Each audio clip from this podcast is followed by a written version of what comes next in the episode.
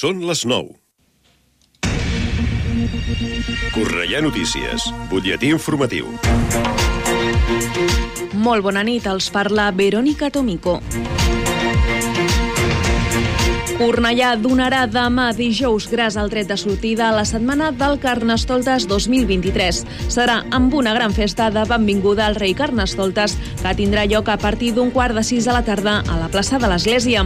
El plat fort serà el dissabte amb la rua i amb el concurs de comparses que aquest any aplega 28 comparses i més de 1.500 persones participants superant d'aquesta manera les xifres prèvies a la pandèmia. El diumenge serà el torn de la rua infantil a càrrec de la Societat Coral La Unió i de la Xaranga Sarau amb la col·laboració de l'Ajuntament i el proper dimecres de cendre, el dia 22, tindrà lloc a la plaça de Sant Ildefons al final d'una setmana plena de disbauxa. Cornellà estrena un nou cartell promocional de l'escola pública dissenyat per Mireia Truyen, alumna de primer de batxillerat artístic de l'Institut Maria Aurelia Campmany. Durant les properes setmanes, els centres educatius de la nostra ciutat duen a terme les jornades de portes obertes per donar a conèixer les seves instal·lacions i el seu projecte educatiu de cara al curs 2023-2024. La preinscripció per al curs vinent s'obrirà entre el dia 6 i el 20 de març. I l'IPC puja fins al 5,9% malgrat la rebaixa de l'IVA dels aliments. El repunt dels preus dels carburants influencia la inflació i el cistell de la compra continua disparat. Amb aquest panorama, avui s'obre el termini per a demanar l'ajuda de 200 euros que ofereix el govern espanyol a les famílies més vulnerables. Poden demanar aquesta ajuda fins al dia 31 de març.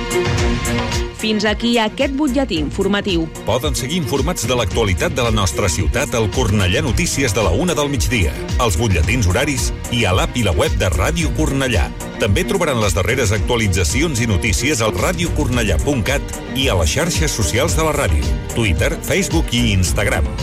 Ara el temps. Connectem amb l'Agència Estatal de Meteorologia. Bona nit. Demà dijous esperem una jornada a Catalunya de nou de temps estables, sense grans canvis a les temperatures, amb gelades a l'inici del dia a zones de l'interior, sobretot a les valls del Pirineu, amb unes mínimes d'un grau sota zero a Lleida, de dos graus positius a Girona.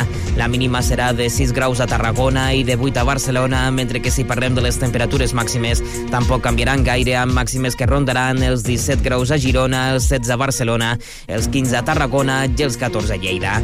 Per la resta esperem un dia que començarà amb intervals nuvolats al cel sense descartar algunes boires, sobretot a zones de l'interior, mentre que amb el pas de la jornada la situació tendirà a quedar amb cels poc nuvolats i el vent serà fluix i de direcció variable, tot i que la tarda al litoral tendirà a quedar de la component sud. És una informació de l'Agència Estatal de Meteorologia. L'informació de Cornellà. Més a prop, impossible. Ràdio Cornellà, 104.6 FM.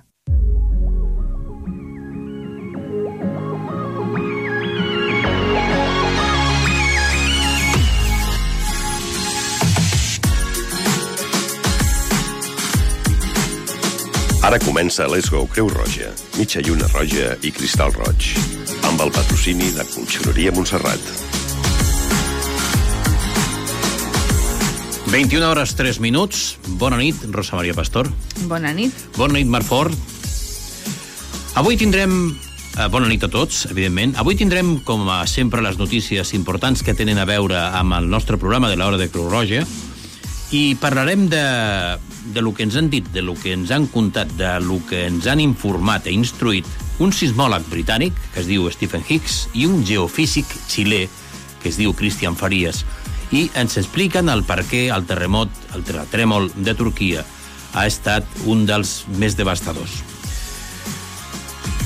Hablaremos del llamamiento de Cruz Roja Internacional, de ayudas a los damnificados en el, en el terremoto de Turquía y de Siria. Y hablaremos con nuestra compañera Mayalén Prieto, como siempre acostumbra y nos acostumbra con sus uh, instrucciones.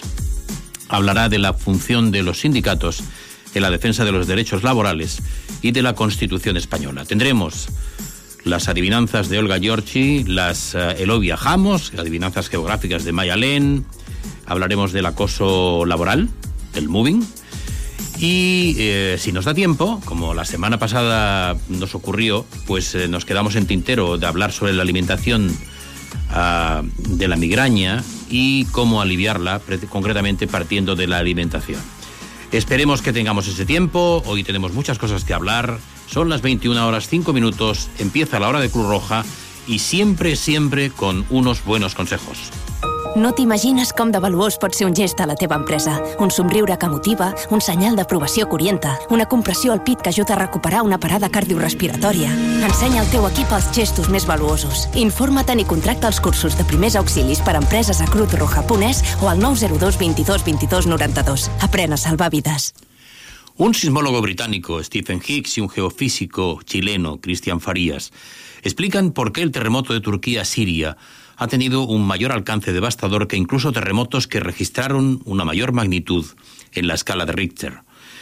Con miles de muertos hasta hoy, casi 40.000 a última hora de ayer, 100.000 heridos y multitud de edificios, hasta 5.700 edificios destrozados, colapsados, como se dice ahora, caídos por, por, por culpa del terremoto de magnitud 7,8 que sacudió Turquía y Siria en la madrugada del lunes 6 de febrero y, y esa es la explicación que nos quieren dar concretamente el sismólogo y el geofísico.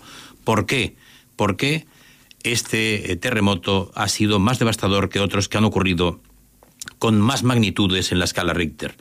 Según estos expertos, la combinación de la intensidad del seísmo, su profundidad, su localización geográfica, el tipo de falla que lo generó, su longitud o la potencia de las réplicas magnificaron la tragedia. Aquí te contamos qué factores multiplicaron la capacidad destructiva del terremoto. El primer seísmo, registrado en las primeras horas del lunes cerca de Gaziantep, en Turquía, cuando la gente dormía, fue de magnitud 7,8, que se considera mayor. La magnitud cuantifica la energía que se libera en el sismo y a nivel global puede producirse unos dos terremotos de una magnitud parecida al año, aunque la mayoría se producen bajo el océano o en zonas no pobladas, explica Steve Gibbs, sismólogo de la Universidad College de, Londres. La magnitud más eh, grande registrada desde que se miden los terremotos fue la de la que tuvo lugar en Chile en 1960, que alcanzó 9,5. Turquía fue sacudida por decenas de temblores que incluso tuvieron réplicas el día después. Como apunta el geofísico chileno Cristian Farías, la magnitud es como si vas a un concierto y la banda está tocando con un volumen fijo. Obviamente es el volumen que ellos ponen y es uno solo, igual que el terremoto solo tiene una magnitud. Sin embargo, dependiendo de dónde estés en la sala, vas a tener una experiencia distinta del concierto.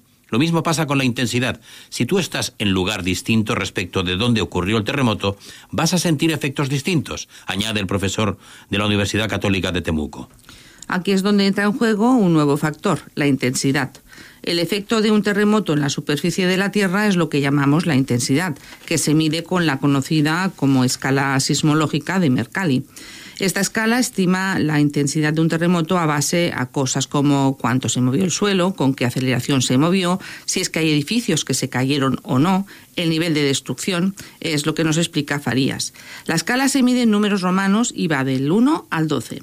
En el caso del primer terremoto del lunes, varios puntos en Turquía, en torno a las ciudades de Osmaniye, de eh, Karamanmaras, Adiamán o Malatía registraron una intensidad de 9, que se considera muy destructivo e implica, por ejemplo, una destrucción severa de edificios y derrumbes, como desgraciadamente se ha podido observar. Aunque lo habitual es que los terremotos vayan seguidos de réplicas de menor intensidad, el segundo terremoto que se sintió el lunes fue de una magnitud muy parecida, de 7,5. Esto es algo que solo suele ocurrir en el 10% de los casos, explica Steven Chiggs, quien recuerda que es imposible saber cuándo o dónde van a ocurrir o va a ocurrir el siguiente terremoto. De hecho, el segundo terremoto del lunes ocurrió en una rama diferente de la falla oriental de Anatolia, que va del sudoeste hasta el noroeste. Esto recalca la complejidad de intentar hacer predicciones porque puede que no supieras que existía la falla hasta que finalmente ocurre algo en ella como señala el profesor. El estado de fragilidad en el que habían quedado muchos edificios contribuyó a nuevos derrumbes con el siguiente seísmo, aumentando la tragedia. El terremoto fue, coinciden los científicos, muy superficial, ya que se produjo a tan solo 18 kilómetros de la profundidad de la corteza terrestre. Lo que ocurrió entonces es que las vibraciones que salieron del terremoto no perdieron la suficiente energía antes de llegar a la superficie, y eso provocó una agitación extrema en la zona que muchos edificios, especialmente los tradicionales de Medio Oriente, no estaban preparados para soportar. El tamaño de la falla, de 150 kilómetros de largo por 25 kilómetros de espesor, fue otro de los factores que contribuyeron a la destrucción. Uno tiende a pensar que mientras más larga sea la falla, más ancho también va a ser el radio afectado.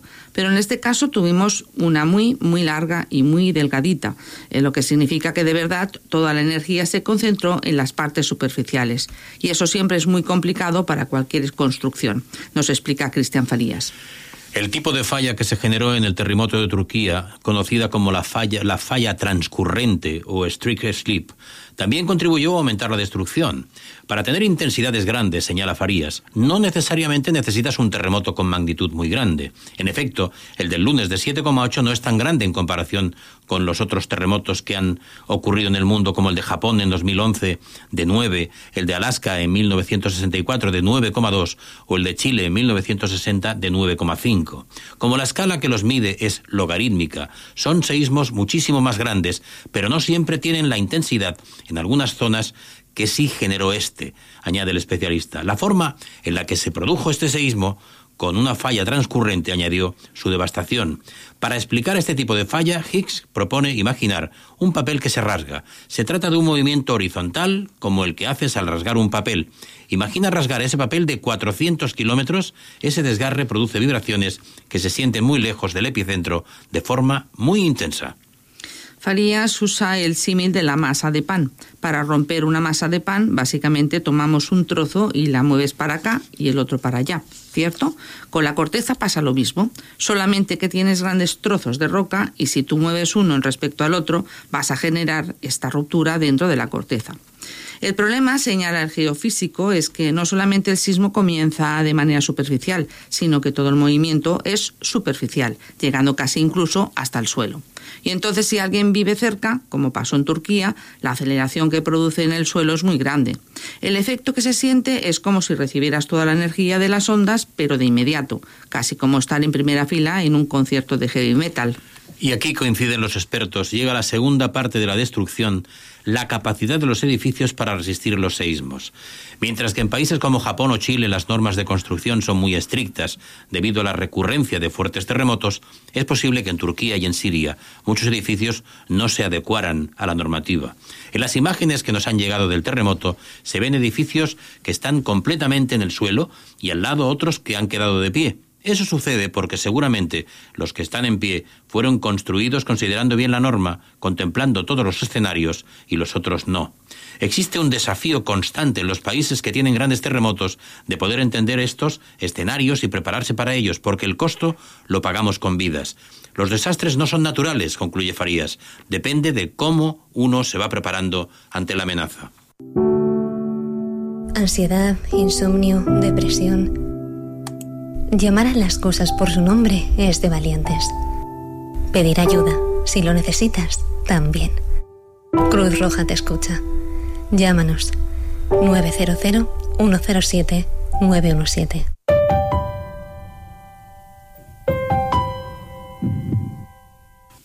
En la actualidad, el balance provisional de muertos en el terremoto de Turquía y Siria ya es de 40.000 muertos y de 100.000 heridos. Una semana después de los seísmos, cientos de miles de personas tienen que dormir a la intemperie con temperaturas bajo cero. La Federación Internacional de Cruz Roja y la Media Luna Roja han lanzado llamamientos de emergencia a la solidaridad.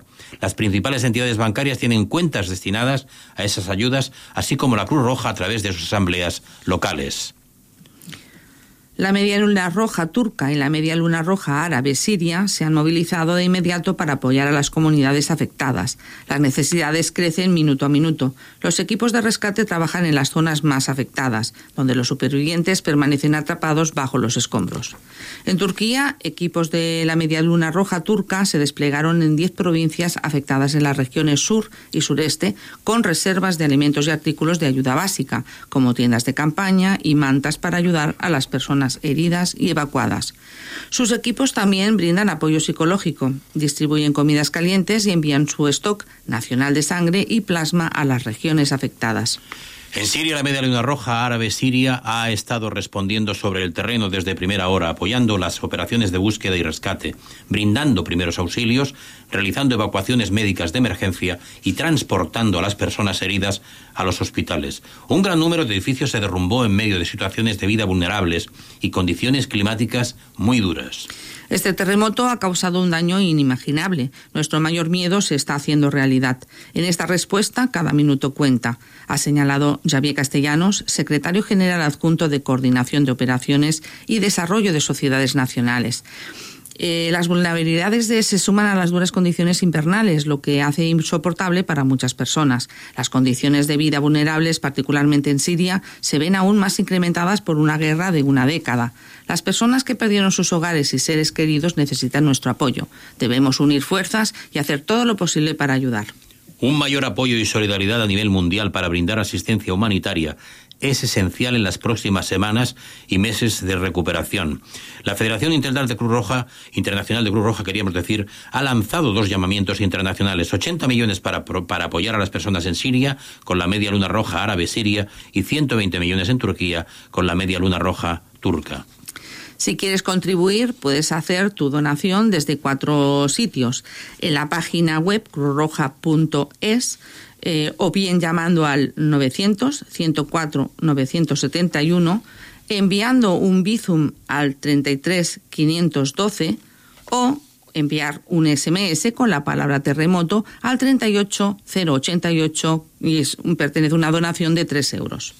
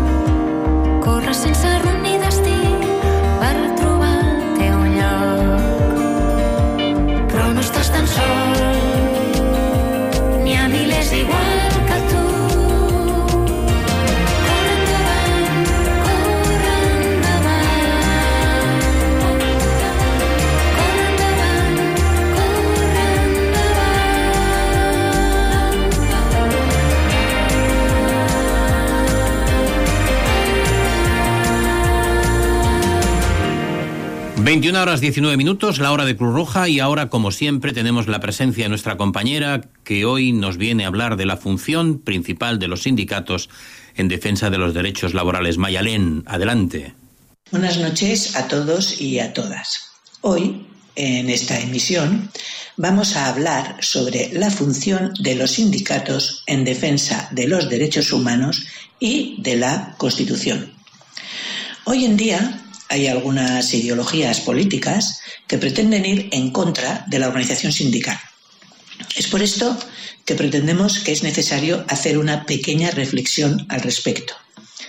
En primer lugar, haremos alusión a que los sindicatos defienden los derechos laborales y colaboran codo con codo con el movimiento en defensa de los derechos humanos, asociaciones por la justicia medioambiental y sociedad civil.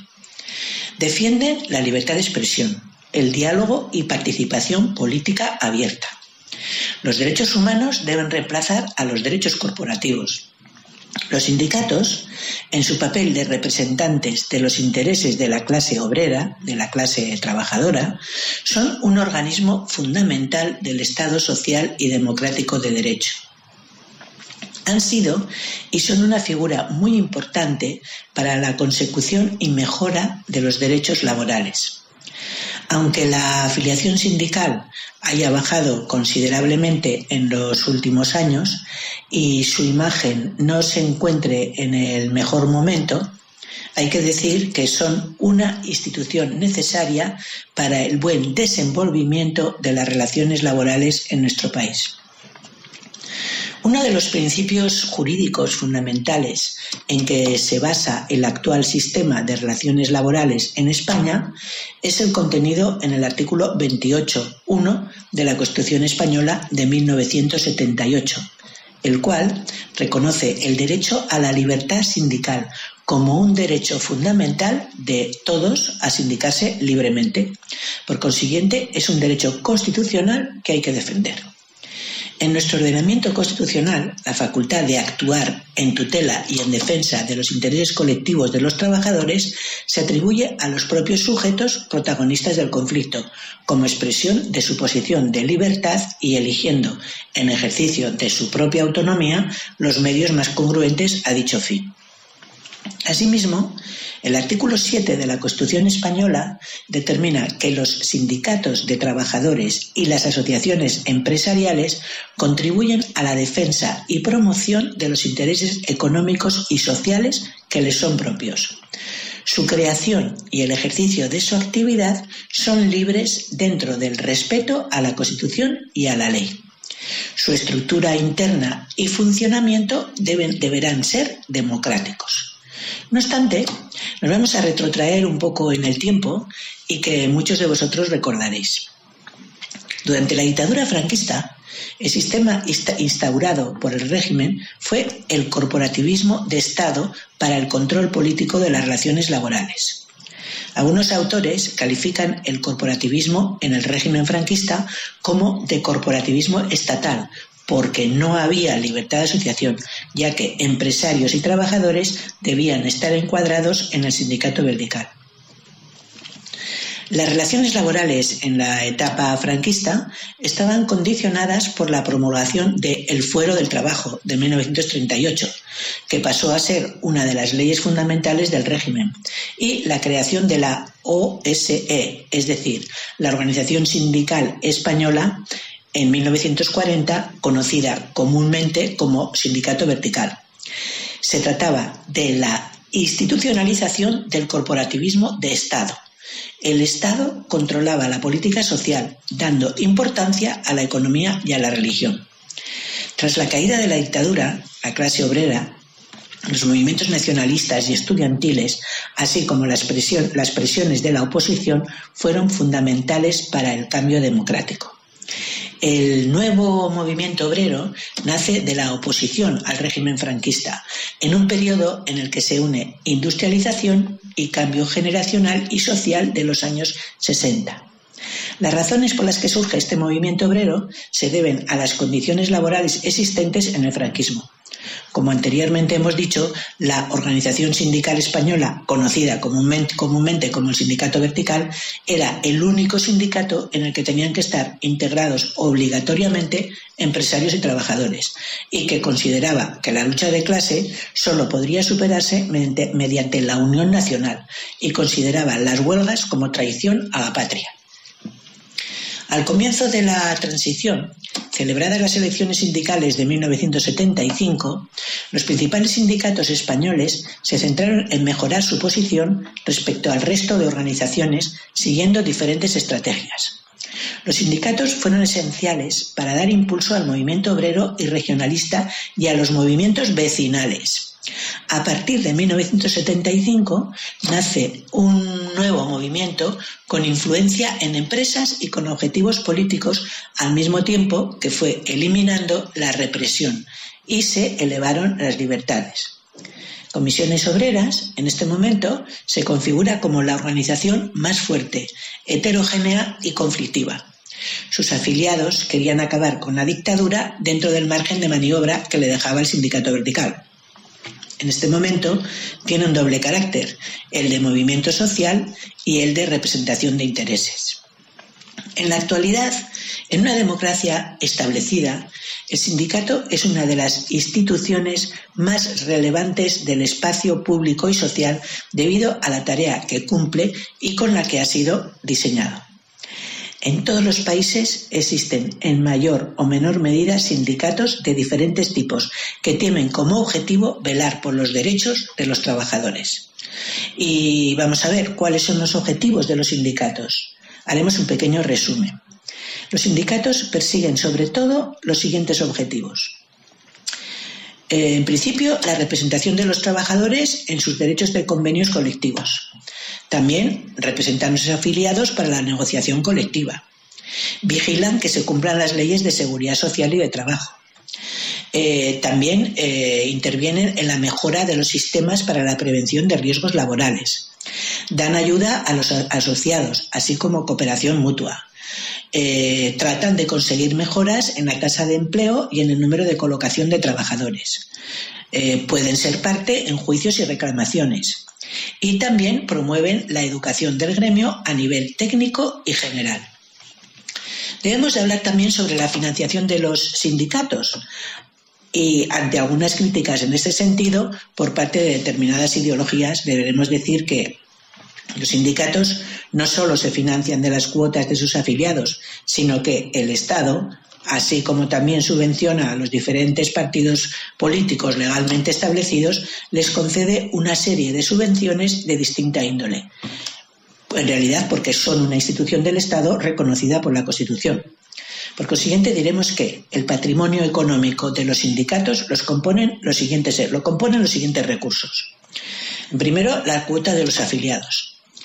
Ahí tienen subvenciones por representatividad, percibidas por los sindicatos en función de la representatividad en las elecciones sindicales, es decir, por el número de delegados sindicales que obtengan las organizaciones, tanto a nivel estatal como autonómico. Reciben subvenciones por participación institucional, otorgadas por su participación en organismos y consejos. También eh, subvenciones para la formación de los trabajadores. Esta subvención se destina a financiar exclusivamente la formación de desempleados y empleados. La formación de los trabajadores no solamente se paga con esta subvención, sino que buena parte se paga con las cuotas que pagan los trabajadores en concepto de formación y que se les descuenta de la nómina. Por tanto, no se puede decir que sea una verdadera subvención. ¿Y qué tenemos que decir con respecto al sindicalismo en el siglo XXI en el cual estamos inmersos? Debemos interiorizar que no debemos perder derechos adquiridos y regulados en nuestra Constitución y que tanto han costado adquirirlos. Haciendo un pequeño análisis sobre la evolución de la economía en este periodo, en el momento que estamos viviendo, diremos que el nuevo régimen ha mermado la capacidad de intervención de los sindicatos y las condiciones que facilitaban la participación sindical de los trabajadores. Pero ello no significa que los sindicatos estén heridos de muerte. El neoliberalismo es hegemónico a nivel mundial, pero no todos los países adoptaron sus medidas por completo. Por ejemplo, la negociación colectiva sigue siendo fundamental en buena parte de la Unión Europea y hoy constituye la principal razón por la que muchos trabajos no cualificados conserven condiciones laborales superiores a las mínimas legales. Aún, debilitados, los sindicatos siguen siendo uno de los factores principales que marcan la diferencia entre la precariedad y el empleo de calidad. En Estados Unidos, por ejemplo, eh, en puestos de trabajo equivalentes, los salarios en empresas con presencia sindical son un 13,2% más altos de media que los de las empresas que carecen de ella. Lo mismo sucede en el Reino Unido, donde son superiores en un 5%. El sindicalismo permite a los trabajadores aumentar su participación tanto en las decisiones de la empresa como en los resultados de la misma, lo que además favorece una distribución, una distribución más justa y equitativa de la riqueza. Casualidad o no, el declive de los sindicatos ha coincidido con el despegue de la riqueza de los más ricos hasta el punto de que el 1% más rico controla actualmente más del 45% de la riqueza mundial. No sorprende tampoco que los países que menos respetan los derechos sindicales sean también los que, los que peores condiciones laborales ofrecen. Al mismo tiempo, los países con mayor número de afiliados y convenios colectivos son también los países con una mejor calidad laboral. La fortaleza del movimiento obrero y sindical a principios del siglo XX permitió que los trabajadores de medio mundo consiguieran derechos. Hoy que son considerados derechos básicos, como por ejemplo la jornada laboral de ocho horas. Sin embargo, 100 años después, ahora que estamos en pleno siglo XXI, eh, los derechos laborales están prácticamente igual o incluso peor en gran parte del mundo, lo que demuestra que queda mucho por hacer. Para ello, los sindicatos deberán adaptarse a los nuevos desafíos económicos, laborales e ideológicos y desarrollar formas de acción sindical que les ayuden a superar los, los obstáculos a los que se enfrentan. No es fácil ese trabajo. Es por ello que no debemos dejar que determinadas ideologías pretendan acabar con el movimiento sindical que defiende los derechos de los trabajadores y que colabora con la defensa de los derechos humanos. Debemos luchar por no perder los derechos que con gran esfuerzo han sido adquiridos. Amor, has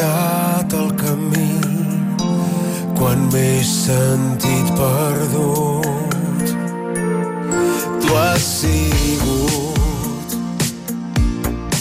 el meu alè i el valor que em portava endavant.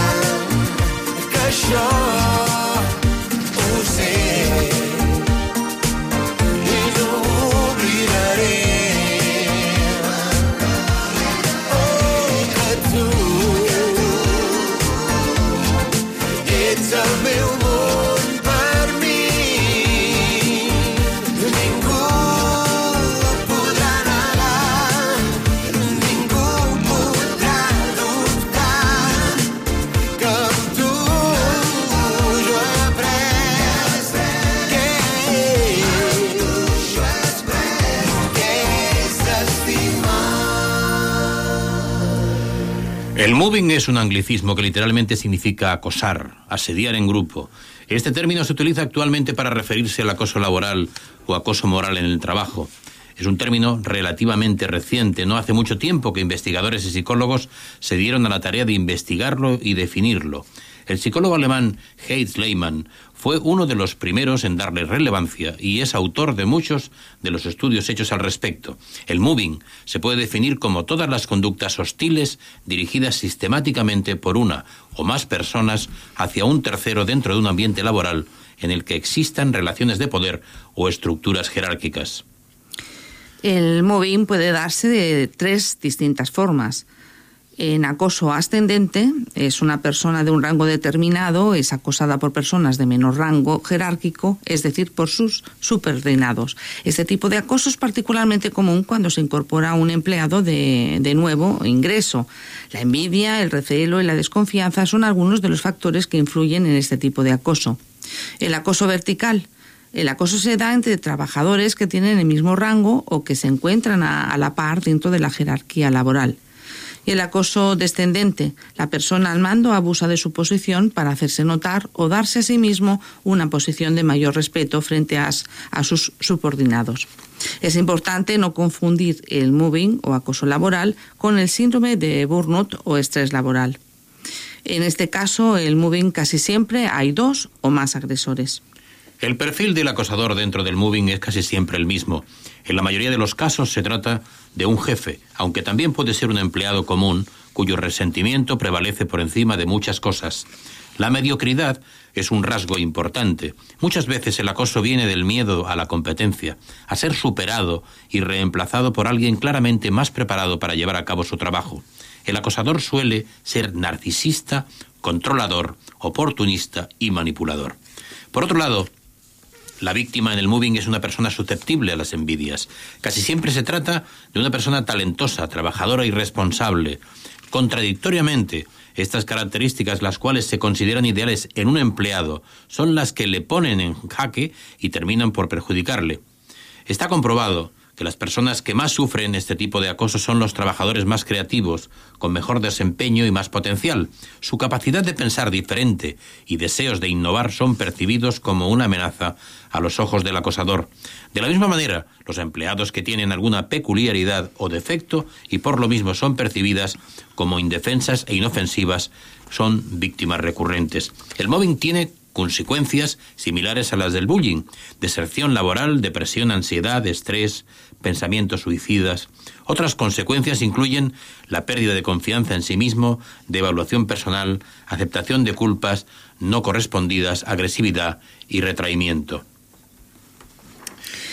Y este es el, la definición breve de lo que entendemos por el acoso laboral, pero hoy tenemos un gran testimonio con nosotros, alguien, Pilar, que padeció el acoso laboral hace unos años y que hoy viene a hablarnos y a, contarnos sus experiencias.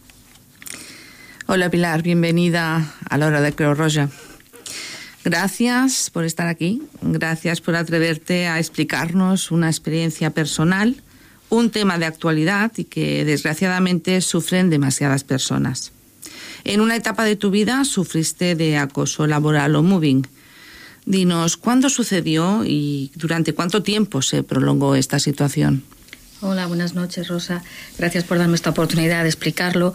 Pues sí, fue cuando empecé a trabajar en un centro en el año 2007. Era un centro nuevo, todas las trabajadoras empezamos al mismo tiempo, todas con contrato indefinido desde el primer día. La situación de acoso comenzó más o menos a los dos tres meses y se prolongó, agravándose en el tiempo durante más o menos el año y medio que estuve trabajando, hasta que un día la situación fue muy difícil y sufrí un ataque de ansiedad muy intenso y tuve que ir a un centro de urgencias donde me realizaron pruebas y en una de las pruebas incluso detectaron que tenía el corazón descompensado.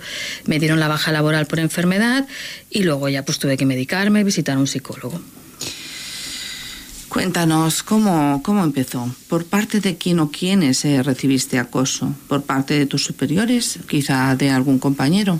Como te decía, comenzó más o menos a los dos, tres meses de, de estar trabajando el equipo entero. Comenzó por parte de, de la directora y luego se añadieron tres compañeras que la apoyaban y la potenciaban. Exactamente el motivo, pues no lo sé. Lo que sí quedaba muy claro que ella tenía una necesidad imperiosa de, de imponerse sobre el entorno. Eh, ¿Fuiste la única persona objeto de acoso o quizás hubo alguien más? Me consta que hubo más compañeras antes y después de mí. Al parecer la actitud acosadora era algo habitual en estas personas y se sabía, pero nadie hizo nada al respecto. La directora incluso venía de otro centro, de la misma empresa, donde ya había tenido problemas de relación con el equipo. De hecho, la empresa la instaba a que resolviera su conducta de control total sobre el equipo de trabajo. ¿En qué momento tomas conciencia tú personalmente del, acoso? Pues casi al final, poco antes de coger la baja, por una información que nos pasa la empresa sobre la prevención del acoso laboral, que es cuando yo me veo reflejada y puedo ponerle nombre a todo lo que me está sucediendo.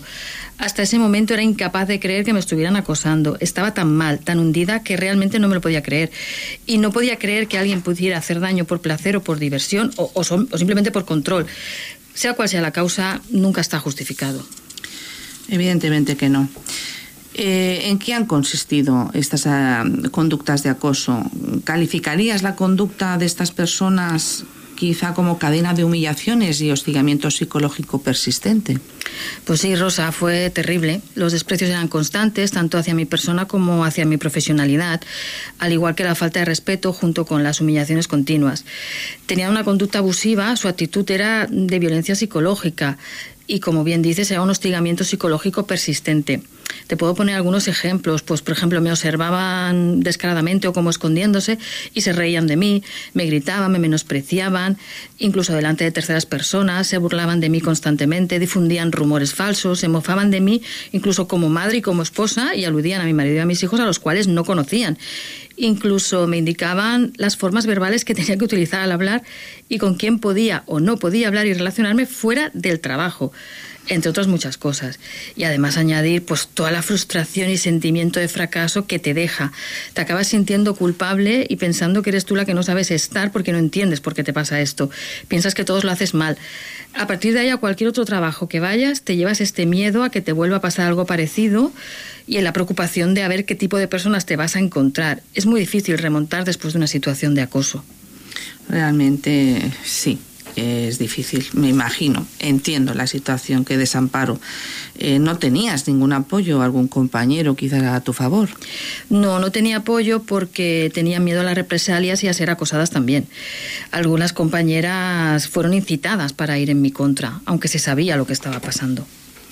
Imagino que la presión sería insoportable. Bien, nos dijiste que acabaste en urgencias con un ataque de ansiedad muy, muy fuerte. Me gustaría que los oyentes pudieran identificar lo que es un acoso laboral y cómo puede repercutir en nuestra salud. ¿Nos podrías describir cómo te sentías? ¿Qué síntomas tenías? Sí, por supuesto. Como ya he mencionado, aparte de los ataques de ansiedad, era un estrés continuo, pérdida de la autoestima, dolores físicos, vómitos, náuseas constantes, alteración del sueño episodios de llanto espontáneo incontrolable, irritabilidad, cambio de carácter acusado, apatía constante, fatiga física y mental, el desaliento por ver cómo, cómo estaba afectando a mi vida y a la de mi familia, que fueron lo, los afectados colaterales, al vivir conmigo toda aquella angustia constante. En ocasiones me sentía incapaz de atender a mis hijos, que en aquel entonces eran, eran muy pequeños. El ambiente era tan, tan hostil e insoportable hasta el punto quizá de tener que abandonar tu trabajo de forma definitiva? Sí, la verdad es que finalmente lo abandoné. Eh, era muy insoportable. Yo en, hubo momentos en los que pensé romper con todo y poner muchos, muchos kilómetros de distancia, coger a mis niños pequeños y dejar todo lo demás atrás. Entiendo. ¿Comunicaste a la empresa la, la situación? Al principio no porque anímicamente yo no podía ni hablar del tema, no entendía lo que me pasaba, no me sentía apoyada por nadie, eh, no sentía que nadie me creyera, por lo que me creaba más dudas y mi autoestima cada vez era más baja. Y además siempre tenía el sentimiento de culpabilidad y cuando entras en ese círculo es muy difícil tener las ideas claras y tener la fuerza y el coraje. ¿La empresa hizo alguna evaluación, alguna actuación al respecto? ¿Te ofreció alguna solución? No, la verdad que no. Y yo solicité en varias ocasiones, incluso antes de que la cosa llegase tan, tan grave al final, solicité un traslado, pero la, la propia directora del centro me lo negaba continuamente. ¿Presentaste denuncia ante Inspección de Trabajo o alguna demanda ante la jurisdicción social? Pues Rosa, no pude. Y te explico. En primer lugar, fui al, sindicato y me dijeron que no se podía demostrar, que yo no tenía ninguna prueba y que no lo hiciera.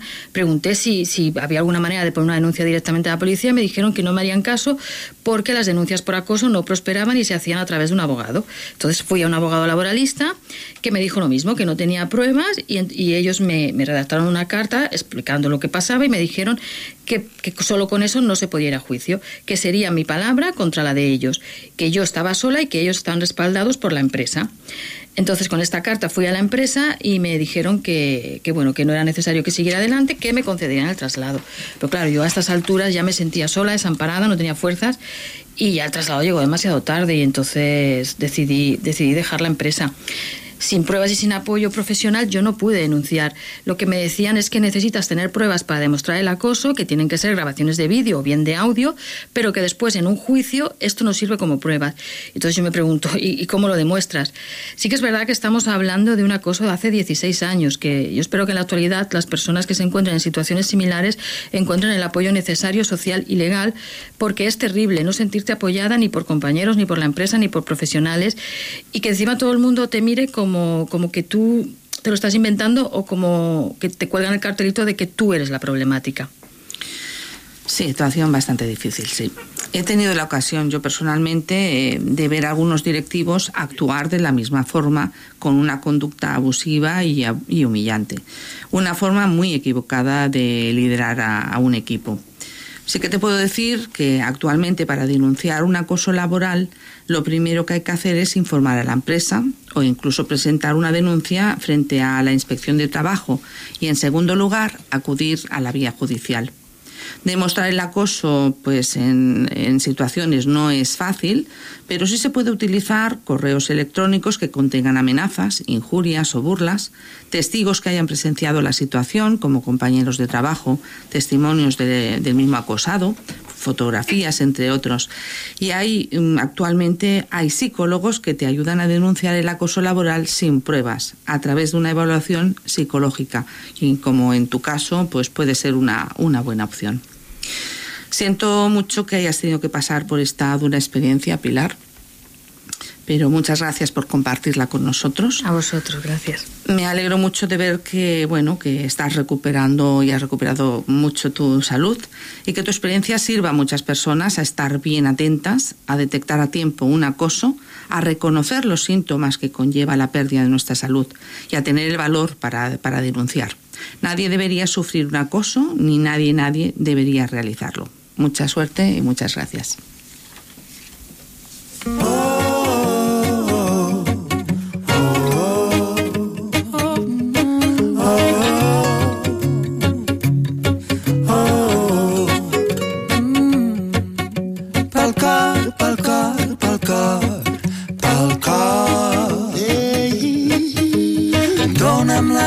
Des d'aquí al cor.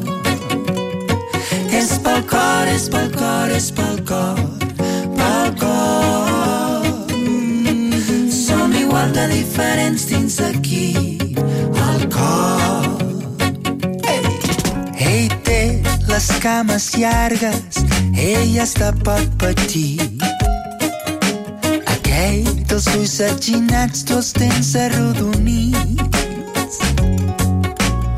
grossos primers, uns baixets, uns altres venes. Són tan diferents, però la pell del cor és igual. És simple. El cor, el cor, el cor, el cor.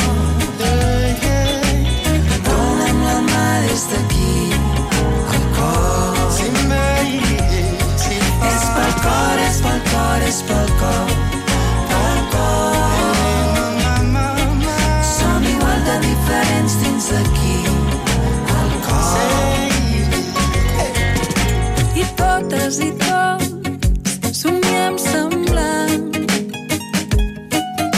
Volem veure els nostres feliços progressant. Uns volen ficar les mans a la terra, unes altres sortir volant som així. Si em deixes el teu cor, una part de tu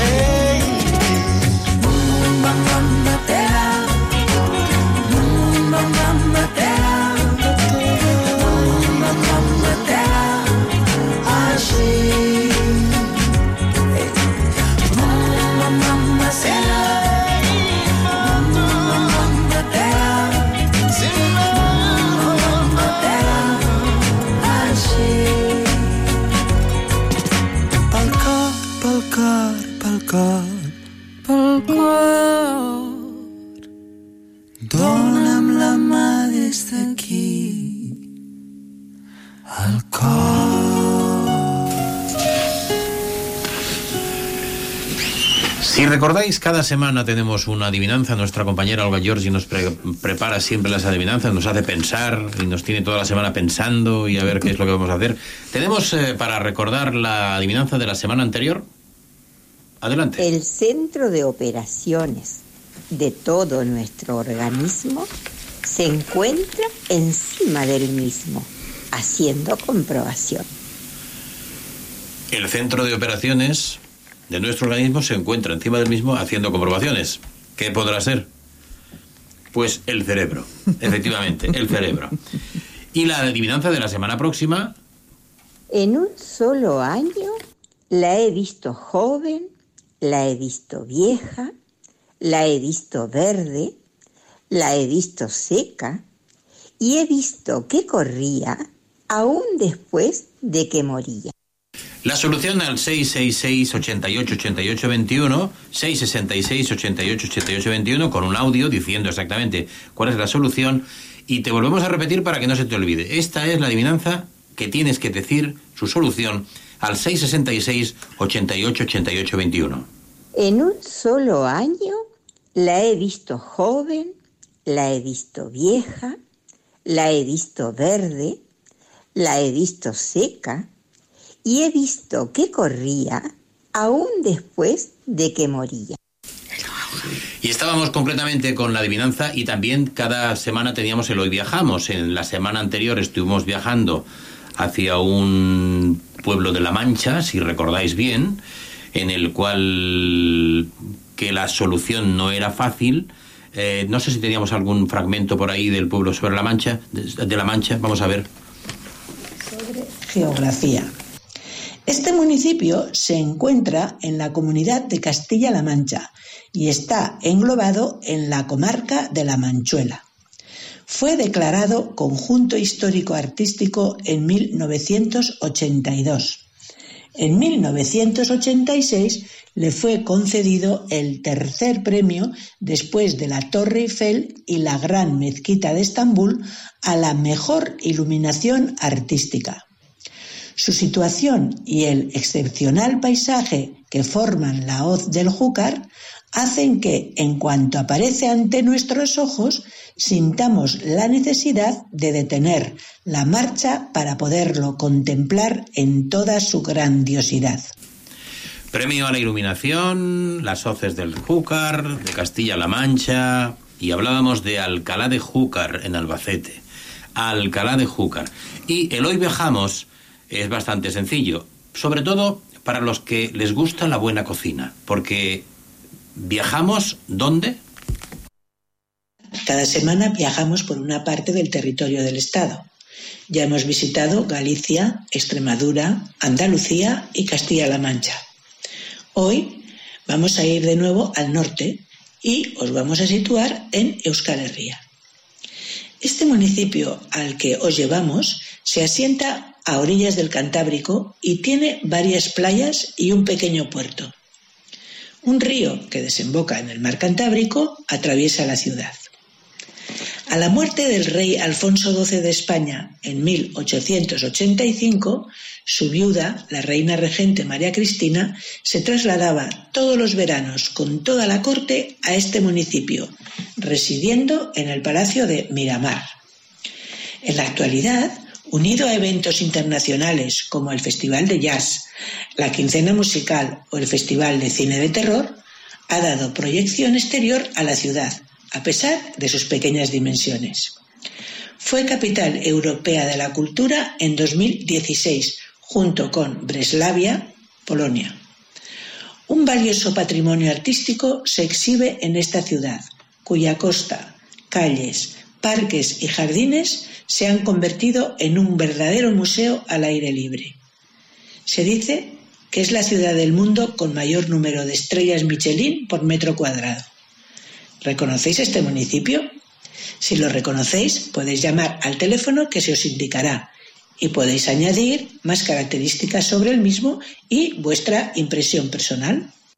666 88 88 21 la solución es donde se concentran más estrellas Michelin por metro cuadrado. Eh, hablábamos que era el paraíso de la gastronomía, aunque tiene, tiene, tiene sus, su geografía, su costa, su puerto y su ciudad en general. eh, son muy, muy, muy bonitas. Estamos hablando del norte, estamos hablando de Euskal Herria y la solución al 666 88 88 21. 21 horas 56 minutos y estamos prácticamente llegando al final. Va a ser para nosotros un verdadero dolor de cabeza la migraña esta y la alimentación. Porque llevamos ya dos semanas en que no podemos hablar de cuál es la alimentación Nada. que alivia la migraña. No nos curamos la y nosotros seguimos con la migraña, pero por falta de tiempo. Hemos llegado al punto y final. Gracias, Pilar, por estar con nosotros. Gracias, Rosa María Pastor. Marfor, muchas gracias. Gracias a ustedes. Hasta el próximo miércoles, que será el 22 de febrero, que estaremos nuevamente con ustedes en el 104.6 de la FM en la hora de Cruz Roja. Buenas noches y un abrazo.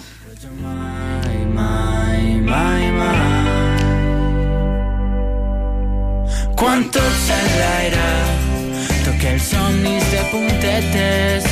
Junts podem arribar més lluny, més lluny. Un llarg il·lusions dins les maletes.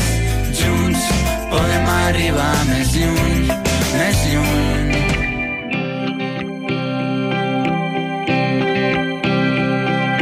Vaig flirtejant amb la por, navegant entre dubtes. Vaig somiant amb la teua escalfor i somiant que tu remes amb mi fins que aquella incertesa es fon quan se'ns creuen els camins però jo mai, mai, mai, mai seré feliç com ho he estat aquesta nit. Però jo mai, mai, mai, mai. Quan tot s'enlaira toca els somnis de puntetes. Junts podem arribar més lluny més lluny. Un llarg viatge il·lusions dins les maletes. Junts podem arribar més lluny més lluny. Quan tot s'enlaira toca els somnis de puntetes junts podem arribar més lluny més lluny. Un llarg viatge il·lusions dins les maletes junts podem arribar més lluny més lluny. Quan tot s'enlaira toca els somnis de puntetes podem arribar més lluny més lluny un llarg viatge il·lusions dins les maletes